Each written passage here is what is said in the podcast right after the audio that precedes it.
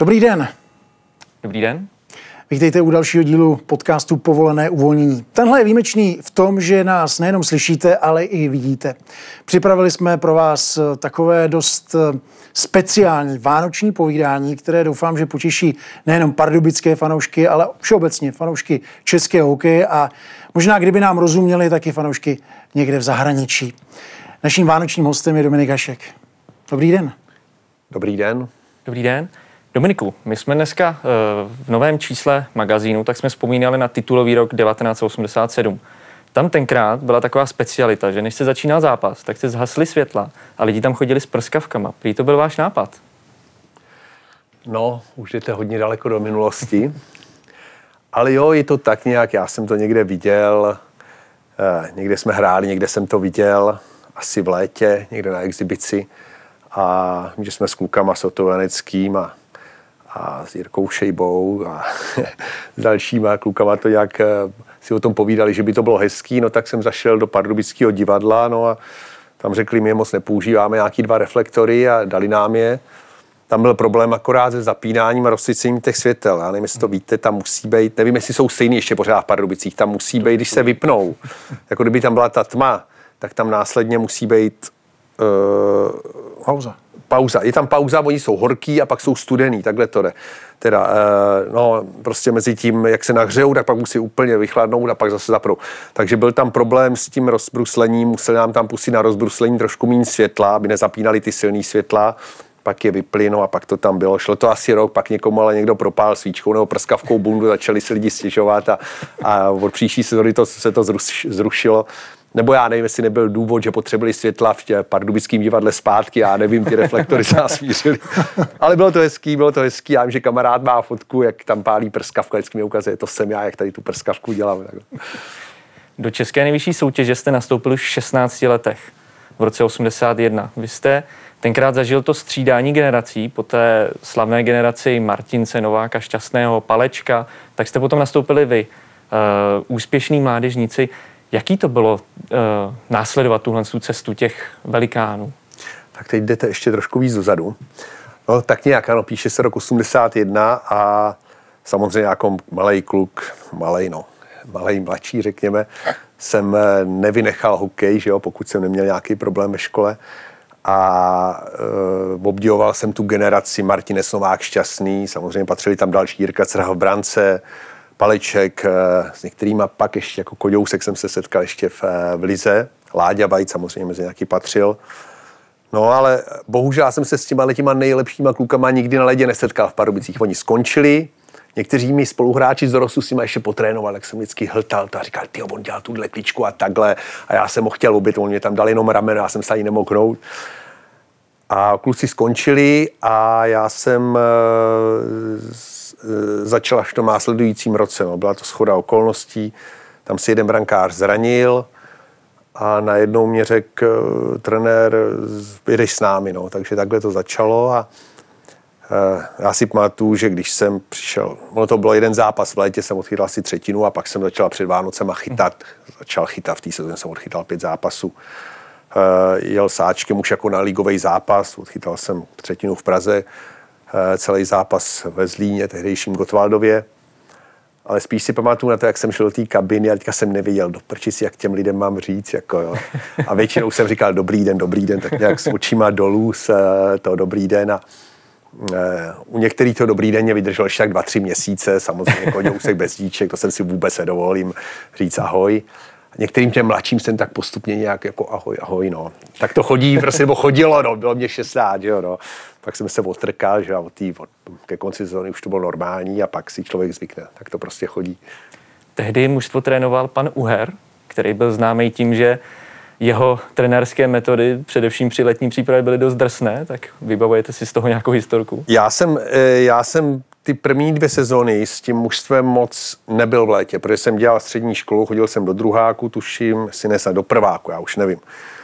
Eh, takže to léto, to jsem nějak musel dokončovat ty věci prostě do školy a chodil jsem normálně trénovat s dorostem, netrval vynikající trenér, taky má vyšený dres Pardubicích, trenér Horimír Sekera, takže jsem eh, chodil víc do školy v létě a, a na tréninky potom večer, večer s dorostem. Jo. Takže ty letní přípravy od pana Uhra si tolik nepamatuju, eh, nebo byly menší, ale pamatuju, pamatuju si jednou, když jsme teda u těch legračních historek, jak eh, nějak skončila škola a já jsem, to už bylo teda ve třetíku asi, no, nevím, to je jedno.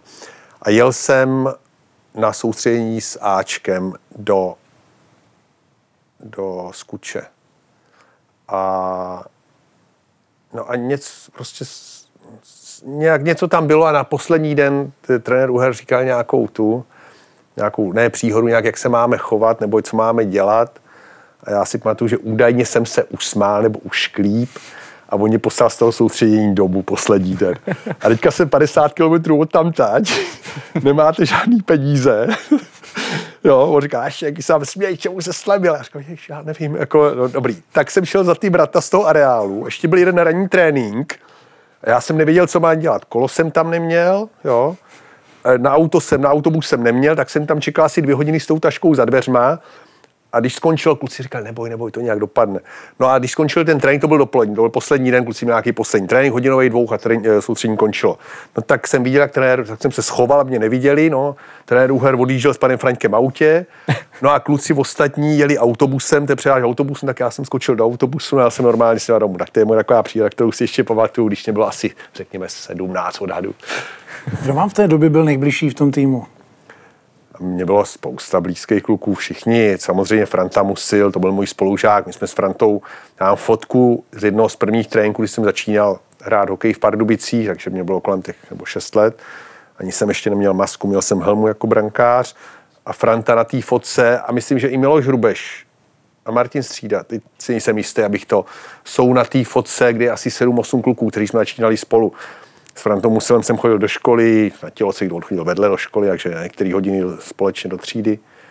No, samozřejmě Jirka Jiroutek, eh, Miloš Hrubeš, Martin A Tenkrát my jsme byli ty mladí kluci, mě bylo teda nejméně z nich, mě bylo 16, klukům bylo 17. Tak jsme začínali všichni tak jak společně a pak jsme vlastně až do těch 90. nebo do toho roku 80. Já jsem šel na vojnu, ale až do toho roku 90 víceméně odehráli společně v Pardubicích. Samozřejmě byli tam jiní kluci, kterými se brzo zkamarádili, ať to řeknu Jirka Šejba, Otejanecký, e, to byl takový ti Standa Meča přišel, jo, e, Pavel Marek, to nemůžu upomenout, výborný kluk. E, takže to jsou takový kluci, kterými jsme toho, ale bylo jich spoustu, který jsme prožili e, vynikající roky, jak na ledě, tak mimo let. Vlastně to kamarádství s Frantou Musilem, to přetrvalo i v NHL? To přetrvává dodnes. dodnes to jako, že jo, v NHL jsme setkávali jako protivníci, Eh, bohužel pak už jsme se spolu nesetkali v národním mužstvu, no to moc nešlo, že jo, Franta už on ještě jezdil pak na mistrovství se začátkem 90. let, já jsem byl v Buffalo, nebo jsem byl někde v playoff, takže se nemohl. A když už byla olympiáda, tak Franta už nebyl v hledáčku pana Hlinky a pana Lenera, přece už jenom uh, už nebyl tak rychlej, řekněme, ale furt byl ještě výborný hráč, ale uh, ale tím, že jsme spolu toho prožili od malička tolik, tak samozřejmě setkáváme a s minulý, s okolností minulý týden jsme si volali a povídali si o rodní a o podobných věcech. Říkal pan Musil uh, o tom... Myslíte jak... Franta Musil? Franta pan Musil. Musil pro mě je Evžen Musil. Franta Musil je Franta, Evžen Musil, Evžen Musil je spoluhráč a pak je pan Musil a to je pan Evžen Musil, který bohužel už není mezi námi. tak jestli Franta Musil říkal o Adamovi, o svým synovi, jak se mu daří teďka v Dynamu? Uh, Jo, tak trošičku, jo, trošičku jsme se o tom bavili. My jsme se o těch klukách bavili už ještě, když začínali, když, eh, když jim byla, nevím, těch 10-12, tak mě popisoval každýho jak v obránce, tak, eh, tak samozřejmě útočníka. No. Eh, vím, že Franta se ani rád jezdí dívat, daří se mu, no. Eh, říkají, jsou šťastní, říkají, jsou šťastní, že, že jsou spokojení. Já si pamatuju, jak byl nadšený z toho, když samozřejmě to konkurence, jeho starší David, říkám to dobře, David je starší, David. když vyhrál, když se vrátil z Ameriky a hrál vyhráli s Třincem, tak z toho měl taky radost, že jo. Určitě by měl stejnou radost, kdyby Adam vyhrál ligu s Pardubicema.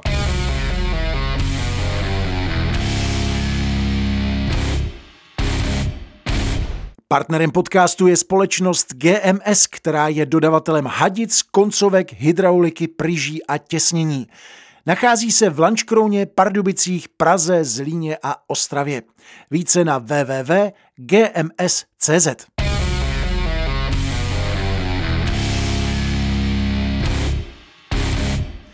Jak je to, teď se vrátíme možná do minulosti zase k něčemu veselějšímu. Zajímalo by nás, jak dopadla ta legendární Škoda 105 zelená. Již ta žabička, s kterou jsem no. jezdil. No. Uh, já si na ní dobře vzpomínám, no, to bylo moje první auto a sloužilo dobře, jezdil jsem s ním do školy, na tréninky. Nejdřív jsem jezdil na babetě, že jo, nejdřív možná ještě pár měsíců bez říčáku, pak s říčákem, pak jsem si dodělal říčáky na auto. Na té babetě byla výhoda, že se nemusela nosit helma jako dneska, takže bylo všechno takový rychlý. Měli jsme jí půlka mužstva, závodili jsme s ní, byli jsme s nima, no. Eh, Škodovka pomohla, že já jsem pak šel do Ameriky, nechal jsem jí strejdovi a, a ten ji taky využíval pár let. Bohužel prostě jednou ráno se probral a, a podíval se dolů a před Malešicí, že jo, a před barákem Škodovka nebyla, no, takže já jsem, já jsem si říkal, že bych si ji koupil zpátky, nebo že bych si ji vzal. Přemýšlel jsem o tom, že Strejda už si jakoby uh, pořídil, chtěl pořídit nový auto, on to bylo takový napřelom, to, to není podstatné, ale tak jsem si jako říkal, já bych si ji nechal asi jako nějakou antik, nebo jak se mu říká, no. asi by to nemělo žádnou cenu, ty Škodovky nemají cenu, ale spíš taková srdcovka, hrozně rád prodám auta. Uh, a, ale bohužel, no, Strida mi řekl, Že ukradená nakonec. Bohužel byla pryč a to, je to už asi už, doví, asi už ani neexistuje, že to je hrozně dávno. Byla ukradená, byla ukradená, no, jak říkal Strejda, nevím, jestli to bylo ráno nebo večer po aktualitách, říkám, podívám se dolů a už tam nebyla. No.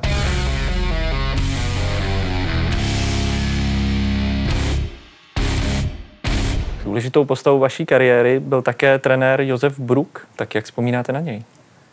Tak ne, Josefa, eh, taky samozřejmě Josefovi je trošku víc než, eh, než Frantovi Musilovi, o který jsme mluvili a jsme spolu pořád v kontaktu, ale eh, s Pepikem jsme taky v kontaktu, dá se říct měsíčně si povídáme o hokeji nebo o běžných věcech.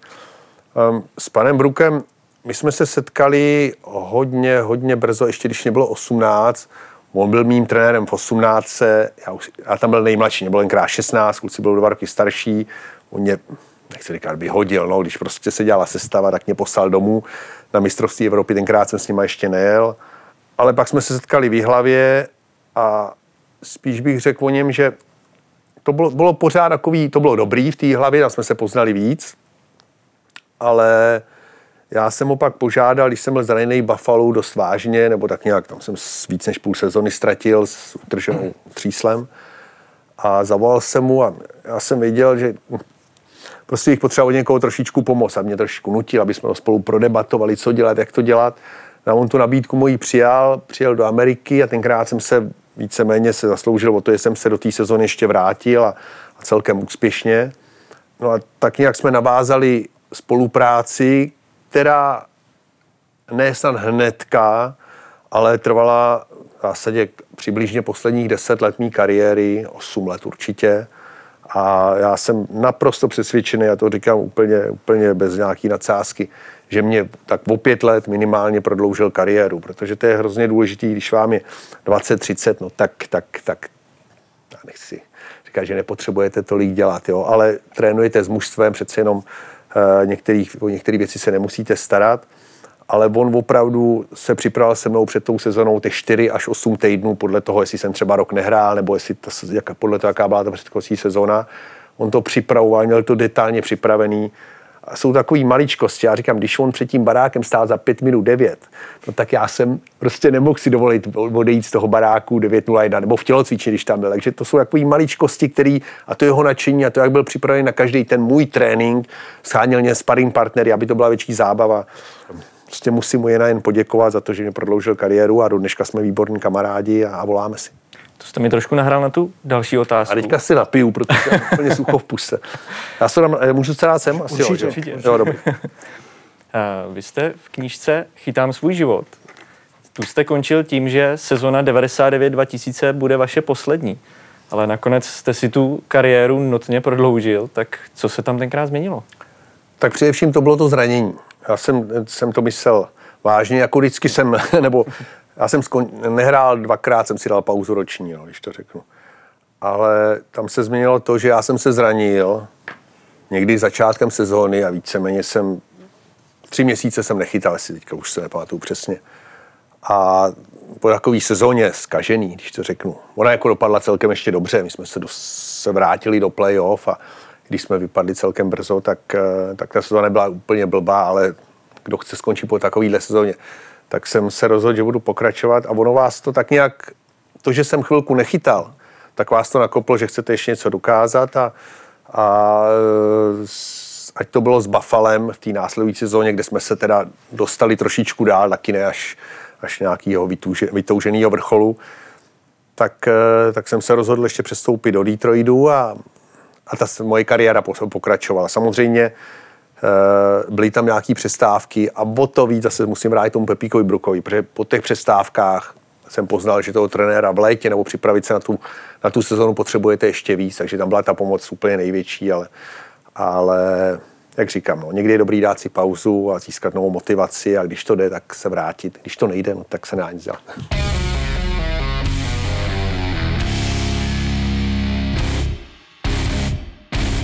Se zrodil ten návrat do Pardubic v té sezóně, která pak byla mistrovská?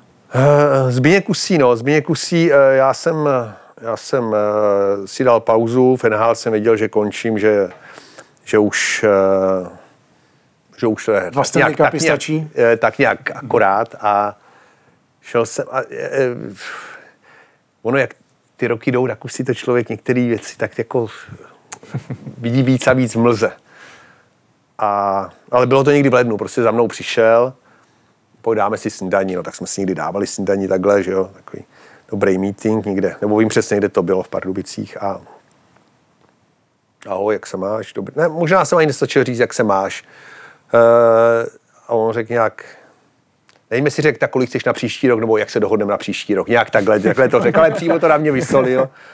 A jsem říkal, no, no, no, tak já si to rozmyslím, ale uh, já jsem věděl, že prostě, že to je super. Já jsem, asi bych nebyl ten, kdo by za Zbínkem přišel a řekl, to bylo dobrý, zajímavý. Já si myslím, že bych nikdy nepřišel, jo, za někým a říct, jako, hele, já tam, uh, nebo že bych za Zbínkem přišel, protože jsme se jí znali, byli jsme kamarádi, a že bych řekl, já chci chytat v Pardubicích, abych to, ale on za mnou přišel, já jsem souhlasil. Pak samozřejmě jsme se trošičku museli domlouvat. Vždycky se člověk musí domlouvat, že jo, trošku se tahá, ale to už byly nechci říkat malichernosti, ale šlo o ten první ten, o, ten, o tu první věc a to byl Zběněk, kdo přišel, napřímo se mi zeptal a teď nevím, jestli mu napřímo odpověděl, nebo jsem mu řekl, já si, hele, já si vezmu chvilku to rozmyšlení, ale víceméně už od toho stolu jsem věděl, že chci chytat příští rok za Pardubice. Jste hodně soutěživý typ, takže když jste šel do Pardubic, tak byl to pro vás moment, kdy jste si řekl, tak já ještě ten vrchol kariéry orámuju tím titulem, anebo to pro vás prostě byla, byl to, mělo to být zakončení kariéry? Tak eh, ne, já jsem si nějaký orámování. Nevím, jak to si to řekne dnes, orámování titule. ne, no, člověk šel hrát, jsem viděl, že v Pardubicích je výborný mužstvo, neznal jsem kluky moc do detailu. Jo. Já jsem nejsem ten typ, když jsem skončil, ani dneska nejsem, že bych sledoval každý hokej že bych to uh, viděl, ale viděl jsem, že klukům se daří, jsem tam na nějaký hokej, jsem se šel podívat, že mají dobrý mužstvo, takže když jsem se vracel, tak jsem věděl, že, že chci, hrát, že chci hrát o titul. No. Samozřejmě nebylo to, jak bych to řekl, titul nebo nic, takhle to bych to nebral, jo, ale věděl jsem, že tam je výborný mužstvo, eh, že, že, na to, když to všechno se to sejde, že na to má, no, chtěl jsem, chtěl jsem mužstvu pomoct, no, a to se mi podařilo, no, takže ta motivace tam byla obrovská. Myslím si, že ze všech stran. Z mé strany, ale i od kluků. Přece jenom ten titul, co jsme získali, trvalo už pár let. Nebo co někteří získali i mužstvem. Jo. Nebylo jich tam moc, ale pár kluků získalo titul v roce 2004 nebo 2005, tak nějak. Takže zase tam bylo pár let a to mužstvo bylo dobrý, vždycky hrálo na špici a kdo by nechtěl hrát na špici a, a když ti chybí titul, že jo? No, takže ta motivace tam byla a v sezóně jsme hráli výborně, myslím, že jsme teda nevyhráli tu, já nevím, jak se říká, tý trofej, Tý, prezidentská. Prezidentská, prezidentská taky. Ty prezidentskou trofy jsme nevyhráli, tam jsme skončili tuším druhý za Plzní, ale potom v tom playoff jsme chytili parádní formu a, a bylo to krásný. Bylo to krásný, uh, to si člověk může víc přát, než, než zakončit v rodném městě tu kariéru tím titulem. Já když jsem si o téhle uh, etapě vlastně povídal s Kustody, uh, s Liborem Hovorkou a Martinem Mandisem, uh-huh. tak oni vzpomínali na to, jak vy, jste, jak vy jste i měl třeba i meetingy s hráči a že jste je sám jako motivoval? Můžete to nějak poodhalit, jak to teda bylo? Já si nemyslím, že jsem kluky motivoval. Jestli jsem je motivoval, tak to je dobře. Jestli jsem motivoval... Jsi jim dal párkrát čočku. nedával, nedával. Já si nemyslím, ne, ne, ne, to není, já Nemyslím si. To se tejde kluku. Já si nemyslím, že jsem na ně... Jo, možná jsem někdy zakřičel, jsem se podíval na štvaně, ale to... A naopak jsem měli spoustu legrace a chápal jsem, jak jsme se jak jsme prohráli s někým 5-4, já jsem si dělal po zápase z toho srandu, že to byly takový nešťastný góly, ale, ale pak samozřejmě byly zápasy, který, nebo srandu, ono záleží, jak kdy se to stejde, jo? na to není nějaký nějaký uh, graf nebo grif, nebo jak se mu říká, ten vzorec, vzorec, hmm. jak se to musí dělat. No. To prostě musí z vás výjít a ty kluci to musí přijmout. A um, samozřejmě snažil jsem se jim jako zkušenější uh, pora- uh, motivovat, nebo motivovat, ale myslím, že jsem je větší motivoval, nebo především já si myslím, že nejvíc můžete jí motivovat svým přístupem člověk, jo. Protože nějaký slova, to jsou slova, že jo, ty takhle jsou jak pára, dobrý, ale ty vyšumě, když, když prostě ty kluci tomu nevěří, tomu trenérovi nebo spoluhráči, to nemusí být brankář, tak to nikdy nemá tu šťávu. A co jsem si vzal pak na starosti, byla hodně obrana. Jako já jsem po klukách chtěl, říkám, ne, nebraňte. Nejlepší obrana je útok. Hrajte tam u nich ve třetině. Buďte ve správné pozici, jo. Chci vás ve správné pozici, to samozřejmě, ale nehrájím na, na, na remízu nebo aby jsme hráli na 0-0. Hrajeme na to, aby jsme dali víc gólů. A, a to říkal můj spoluhráč Ríša Špehlík. Čím díl budeme hrát u nich ve třetině, tím, tím méně budeme hrát naší, tím spíš nedostaneme gól. A měl pravdu, no. Můj spoluhráč z Nagána teda. Takže já jsem mi právě naopak, jsem mi říkal, hrajeme, napadáme, budeme co nejvíc agresivní, čím víc budeme hrát u nich ve třetině, tím spíš nedostaneme góla. A vždycky jsem říkal, jste dobrý bruslaři, vy to dobruslíte.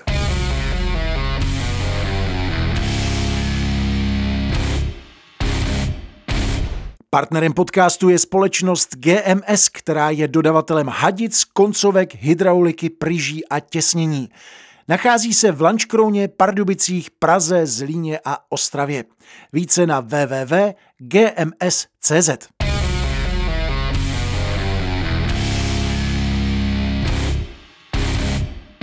Velké téma jsou čísla na vašem dresu. Eh, na těch historických fotkách máte devítku, ale těch čísel, kterými jste, které jste měl na zádech v průběhu kariéry, bylo, bylo vlastně docela dost. Eh, já jsem eh, takhle, už si nepamatuju, jaký, jaký jsem měl číslo jako kluk v Pardubicích, asi jedničku, dvojku brankáři dostávali. A, a potom to bylo? Nároďáku jsem měl taky asi jedničku, dvojku tenkrát, jako jo, Jirka Holeček mýval dvojku, jsem dostal po něm. Samozřejmě já jsem nenastoupil hnedka po Jirkovi Holečkovi, ještě mezi tím byl Karel Lánka, Jirka Králík a Čistě Šindel a tak dále, takže já si nepamatuju, takže abych vám tady řekl nějaký číslo, s kterým si chytal, já to nevím. Mě to vždycky bylo úplně bůř teda. Ale v Pardubicích si přesně pamatuju, že jsem dostal devítku a já si domnívám, že jí měl Miloš Hrubeš, jo, který taky začínal se mnou, už odehrál, nevím, pár zápasů v té sezóně a říkám, domnívám, možná to byl Franta, musel, možná to byl někdo jiný, já nevím. No tak ní, přelepil se, přelepil izolačku, tam se ho řešilo, tenkrát jsou úplně normálně, prostě tak se izolačka, někdy ještě byla sranda, že ta izolačka třeba zrovna dres byl modrý, ale izolačka byla červená, no tak tady byl červený přelepený, jako do barvy se to se nikdy neřešilo. V každém případě mě přelepili to jméno, jo, myslím, že to bylo jméno Hrubeš, ale možná se pletu a tak jsem měl devítku a protože jsem chytal docela dobře, i když jsem ten první sezónu chytal, říkám, asi jenom pět zápasů, ale dařilo se mi, tady se jim ptali, když nějak příští rok ní prostě nechali. A mě to nevadilo, bylo, úplně popravdě mě to bylo jedno. Ale pak už teda je pravda, že už, když jsem jí měl, tak jako nepřicházel v úvahu, že by mě jí vzali, že jo? pak si člověk na ní zvykne. No, když jsem šel do Ameriky, tak se mi nikdo neptal, všichni, eh, jako se mi neptal nikdo v Pardubicích, tak se mi neptal nikdo tam, najednou jsem měl 34, pak jsem měl nějak 31 ale o čem se rád vždycky pobavím je, já jsem přišel do Buffalo v roce 92 a tam se scházejí hráči, před tím trénink kempem postupně tam najíždějí a pronajímáme si let a že jo, používali jsme tu kabinu, ale ne na tom hlavním stadionu, na tom tréninkovém. No tam nemusí být hráči jenom toho mužstva, kde jsme, samozřejmě 90% jich, ale jsou tam třeba kluci, kteří tam bydlejí a, a můžou hrát NHL v Detroitu nebo v, v Los Angeles, jo, a trénují taky s vámi, protože tam zrovna bydlejí a pak prostě se rozhodnou pár dní před tréninkem přeletět do toho, tam, kde to. Takže nás tam bylo 30 na ledě, řekněme, no, některý většina z našeho mužstva, který jsem poznával kluky, ale i třeba z jiných. A den před tím tréninkempem, bylo jsme tam asi 3-4 brankáři, jsme se točili, jak jsem zrovna seděl na střídačce a přišel za mnou kustot a říkal mě, dámo, what, what number do you want to wear? Nebo what number do you want?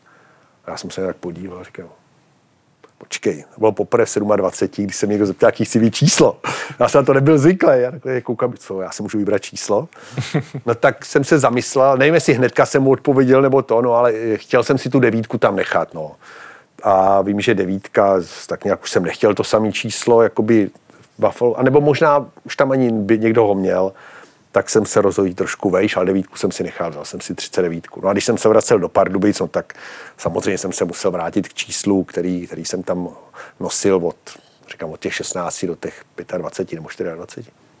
Přemýšlím, jestli s devítkou nehrál Pet LaFontaine v Buffalo. Je to, je to klidně možný. Vůbec, já jsem... Na, dobu. ne, já, Přemýšlím. Když jsem, u těch, když jsem u těch čísel, tak, tak já si pamatuju, a než to lidi zajímá, tyhle ty řeči, no, ale to...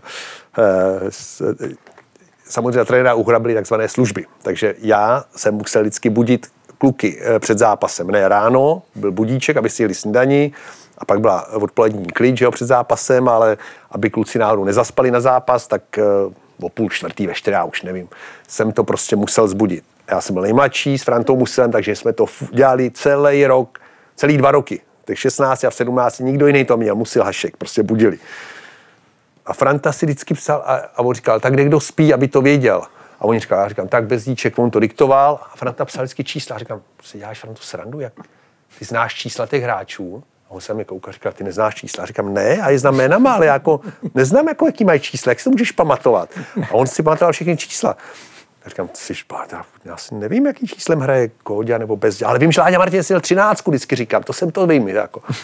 Ale pak jsem zjistil, že ty čísla znají všichni spoluhráči, že jsem jediný, kdo je nezná. No, tak jsem říkal, OK, tak si asi musí naučit zdát, ale jsem se nenaučil zdát, protože doprve nebylo poslat. Já jsem se podíval na nohy a viděl jsem, že to brusí Láďa Vajt nebo Koďousek nebo Otádecký. No. Prostě čísla mě jakoby pronikly ty jsem neviděl. Já jsem viděl oči nebo hlavu, nebo co chtějí dělat s okejkou, ale to číslo prostě jsem si jich nezapamatoval.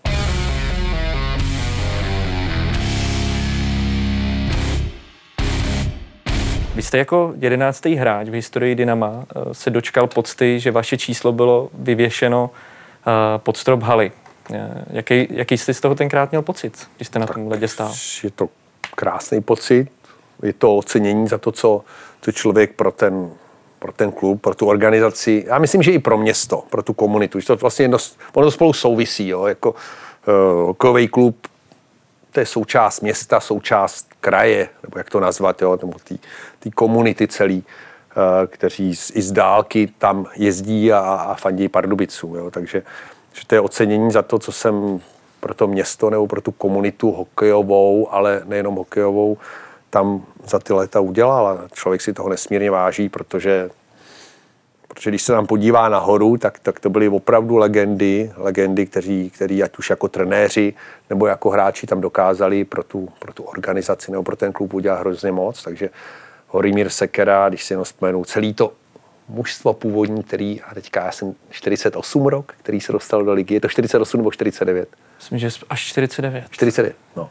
Jo, takže ty vlastně se o to zasloužili a díky ní my jsme pak mohli vlastně do dneška bez, musím to vždycky zaklepat, bez přerušení hrát v té nejvyšší soutěži, že jo, pak Martin Slovák šťastný, že jo, to je fantastický, no, Koďousek, trenér Horimír Sekera, jistě přibydou další, jistě jsou tam hráči, kteří se zaslouží a kteří, vždycky je dobrý se, tam je dobrý, jak kdy, samozřejmě, když víte, že toho člověka tam chcete vyvěsit, je správný, Otéhnecký, Ježíš Maria, Jirka Šejba, uf, fantastický hráči. Uh, pak si třeba můžu myslet, že někteří další byste zasloužili, ale samozřejmě od toho jsou, aby se rozhodli ti lidi nebo ta nějaká ta komise v úvozovkách, kteří zasednou a který, který se rozhodnou pro to. A teď jsem zapomněl, jsem chtěl říct, takže to není podstatné. Je to, je to krásný. My vyvěšení dresů vlastně jsme měli naplánovaný na začátek dalšího roku, ale tahle situace zatím nenahrává tomu, aby u toho byli všichni diváci. Takže Jasný. Já vím, co jsem chtěl říct, že možná dobrý, že někdy to je dobrý hnedka, a někdy říkám, není na škodu si rok, dva, tři počkat, jo, protože někdy jsou ty emoce hrozně, já jsem to zažil i v různých to a někdy s tím pospíchat za každou cenu není potřeba. Někdy je dobrý na druhou stranu, když tam kluk hraje 15-20 let za to mužstva, patří těm nejlepším a i řekněme na mezinárodní úrovni, no tak samozřejmě uh, s tím není nutný čekat a, a je dobrý mluvit. Já vím asi, nebo domnívám se, o jakýho hráče přemýšlíte, že by se zasloužil, nebudu říkat jeho jméno, ale vím, že tam jsou hráči, kteří udělali v těch posledních 20 letech pro Pardubice nesmírně moc a kteří se zaslouží. Sledujete současnou extraligu a jak ní máte Dynamo? Sledují, ale hrozně nerad, hrozně nerad, když mě někdo volá a mám vystupovat v roli experta, protože nejsem ten člověk, který to sleduje denně. Sleduju výsledky pravidelně, sleduju nějaké highlighty, sleduju, kdo dal góla. Když náhodou vidím hokej v televizi, tak se podívám někdy na třetinu, jo. Ale i tím, že nebydlím v Pardubicích, jo, tak do Pardubic jedu jednou, dvakrát za rok. Letos se přiznám, že jsem tam ještě nebyl. Jo. Chystám se tam, chystám, kdy to bude. Teďka v této situaci to je složitější. No. Eh, ale sleduju to, sleduju to, no a samozřejmě člověk těch posledních, eh, já nevím, 8 let, já si vždycky dělal srandu, samozřejmě situace jiná, ale vždycky každý rok mě volali ex- novináři, novináři a ptali se mě jako expert, jak vidím tu ligu, koho vidím na titul, koho vidím na sestup a samozřejmě se mě vždycky zeptali, koho, jak vidím ty Pardubice. A já jim pravidelně každý rok říkal, no bylo to špatný, ale to to bude lepší. Pak jsem říkal, no, bylo to velmi špatný, ale, a, ale teď, už, teď už se to zlomí. A pak horší už to být nemůže. A ono to bylo ještě horší. A jsem říkal, že mlčet, nebudu nic říkat. No. Samozřejmě sleduju ty změny a sleduju ten obrat k lepšímu a, a samozřejmě se to dívá líp. Takže co jim teď eh, těm novinářům jako expert řeknete? No samozřejmě, že teď já jsem, eh, já jsem neříkal, eh, že budou bojovat o titul, ale teďka jim můžu schutí říct, že věřím, že, že tam že to je mužstvo, který, který minimálně může bojovat o ten titul. I když samozřejmě to playoff je skutečně zrádný, zraní se vám dva, tři hráči, někdo vypadne z formy a může to být trošku jinak, ale mě těší, že každý mužstvo má krizi menší jo, během té sezóny, ale to, že kluci jsou a tam, kde jsou, že jo, se nepadu, jak jsou na třetí místě v tuhle tu chvíli, nevím, kdy to půjde, na kolikátý budou v tu chvíli, ale no je, to, je to velká změna. Ono tam už bylo vidět loni, že se tam něco změnilo. Jo? To bylo jasně vidět, že už tam ta nějaká změna byla a ten letošní rok to dokazuje jenom. No. Takže dívá se na to líp, ale, ale samozřejmě zase na druhou stranu je třeba říct, že každý v té dlouhé historii si většina mužstev, člověk by řekl třeba Sparta, řekněme, kdysi byla, nebo prostě, že by mohli mít neskutečné finance za nima a taky se plácají vzadu, taky tam jsou neúspěchy. Jo. Pardubice samozřejmě mrzelo, myslel jsem si vždycky, že to bylo mužstvo, aby... Já bych chtěl, když jsou špatní roky, aby Pardubice byly třeba do toho desátého místa, aby tam byla ta šance. Když jsou dobrý roky, tak se pohou na špici, tak jako letos. Samozřejmě v tom playoff je nesmírně otevřený a každý sen každého kluka, nebo kdo tam hraje, potom je v tom playoff uspět a hrát o titul. Samozřejmě všichni víme, jak to je hrozně těžký a jaký maličkosti pak rozhodují a často je trochu štěstí.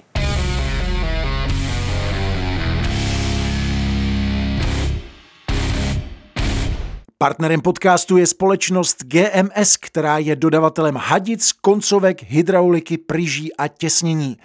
Nachází se v Lančkrouně, Pardubicích, Praze, Zlíně a Ostravě. Více na www.gms.cz.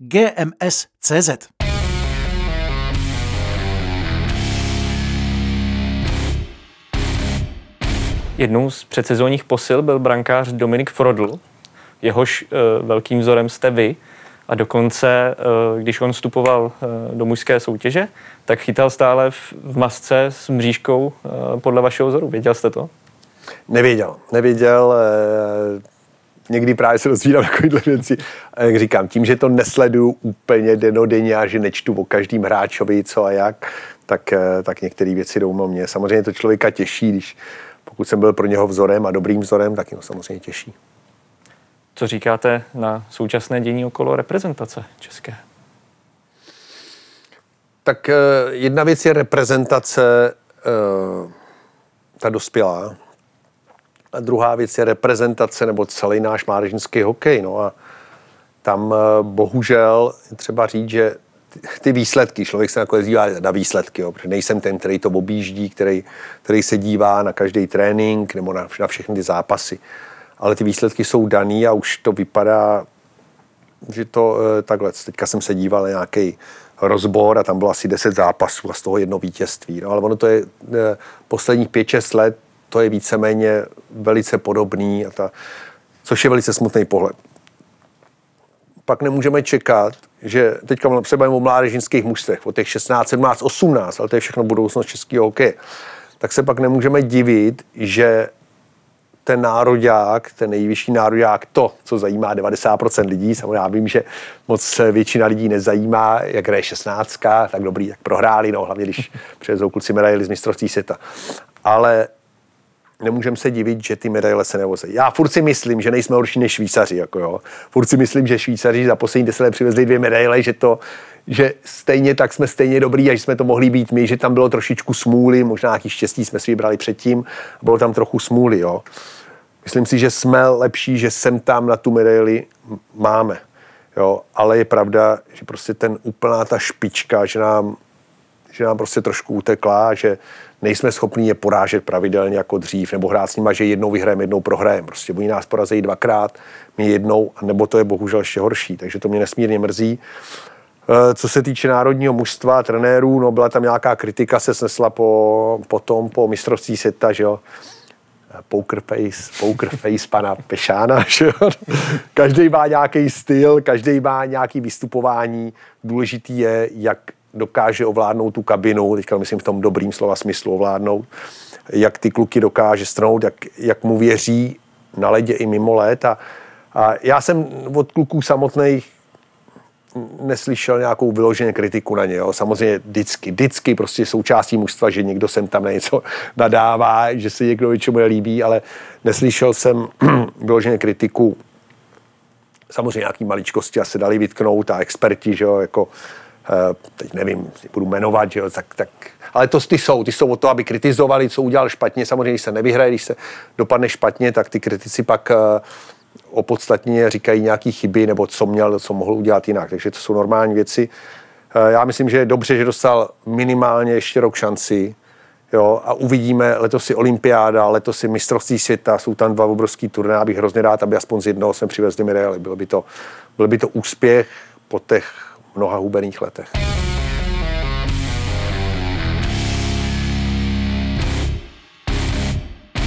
Platí ještě, že ta naše česká brankářská škola je na takový úrovni, jaká byla třeba za vaší éry? Já myslím, že vždycky se mluví takhle o minulosti. Měli jsme fantastický, já půjdu do 70. let. Pro mě jako Jirka Holeček byl ten jednička, samozřejmě jsou tam někteří, kteří říkají Vlado Zurila, taky vynikající brankář, já právě protože Jirka Holeček dělal ten rozklek, tak, tak jsem spíš byl jakoby jeho největší obdivovatel. A on i v těch 70. letech odchytal mnohem víc zápasů za národní mužstvo. Pak byl fantastický brankář Jirka Králík, jo. Zas úplně jiný styl, ale neskutečná předvídavost rychlej taky byl. Jo. Dneska už by ten jeho styl se neuplatnil. On by samozřejmě se mu přizpůsobil tomu chytání, ale, ale já jsem s ním začínal takovým prostě, jak, jak jsem obdivoval ho, protože on byl vždycky ve správné pozici. Jo, on tam nějak byl a já jsem říkal, jak, jak to je možné, že tam byl včas. Jako, jo. A, a on to dokázal ještě většinou na nohách. Jo. Výborně pracoval s hokejkou, samozřejmě měl trošku silnější ruce než já. No a pak přišla už ta další generace, Petr Příza, já, další kluci. Já si myslím, že dnešní generace je taky výborná. Eh, ten styl se změnil, tam je třeba říct. Jo. Za mě, pro mě je trošku nudnější. Jo. Já jsem rád, že ještě jsem zažil takový ten, že jsem skákalo, házeli se letenky, já jsem třeba vypích na modrý čáře puk. Eh, mohl jsem jezdit až do rohu pro puk, dneska už ty čárečky taky zakazujou, že jo.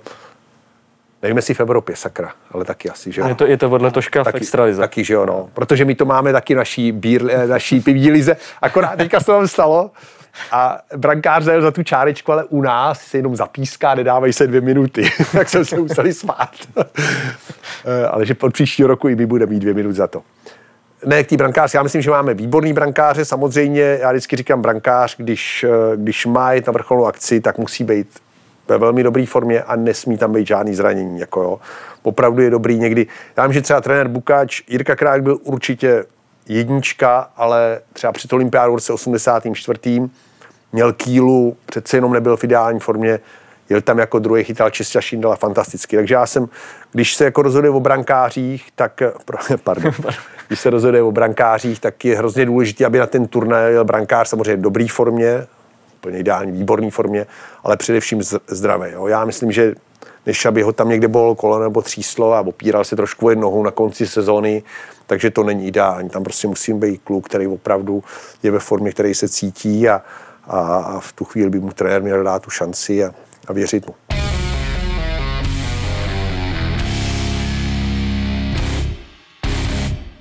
Po Naganu, když jste se vracel, když jste se vracel eh, s vítěznou medailí na krku, tak Prahou znělo Hašek na hrad. Tak eh, jak s vaší prezidentskou kandidaturou je žhavé nyní? E, tak teď mám úplně jiný, uh, úplně jiný přednosti přede mnou. Mám, mám malýho syna, kromě jiného. E, mám práci, která, kterou, která mě taky do jistý míry nebo hodně času trávím. Takže e, něco dělám i pro, pro slávy český hokej, když tam to není tak vytížený, nejsem tolik. Jo. Kromě toho jsem i myslivec, takže i když teďka taky na to prostě teďka přišlo do mého života, nebo díky narození syna, zabírá hodně času. Takže co se týče prezidenta, uvidíme, uvidíme co bude, eh, co bude za, za pět a šest let. Určitě v této fázi něco takového neplánuju. Ale jsou to věci, které mě zajímají, které mě zajímají, které sleduju. A já to nevylučuju. Jo. Opravdu to nevylučuju. Uvidíme, co bude za pět let, ale v této blízké době, která bude nejdíl za rok, určitě něco podobného neplánuju. Jak se těšíte na Vánoce? Na Vánoce se těším moc, už máme stromeček hotový. Jsem vždycky říkal, já teďka bydlím trošičku jakoby vně města. Mám tam i takový kus, jsou nálety, kde jsem si mohl tři, čtyři roky řezat stromeček, jakože to bylo legální. Ale už jsem ty, ty hezký stromečky jsem odřezal. Loni jsem ještě jeden našel přímo na zahradě. On tam jako rost tam u té, jsou takový barely na, na plyn, když si byli. Jo. A ten jsem taky uříz, prostě nebyl už stromeček, že to jsem jel do oby a koupil jsem stromeček, už je a už je, už je, už je krásně to, už je, už je nazdobené a už i svítí eh, elektrické svíčky.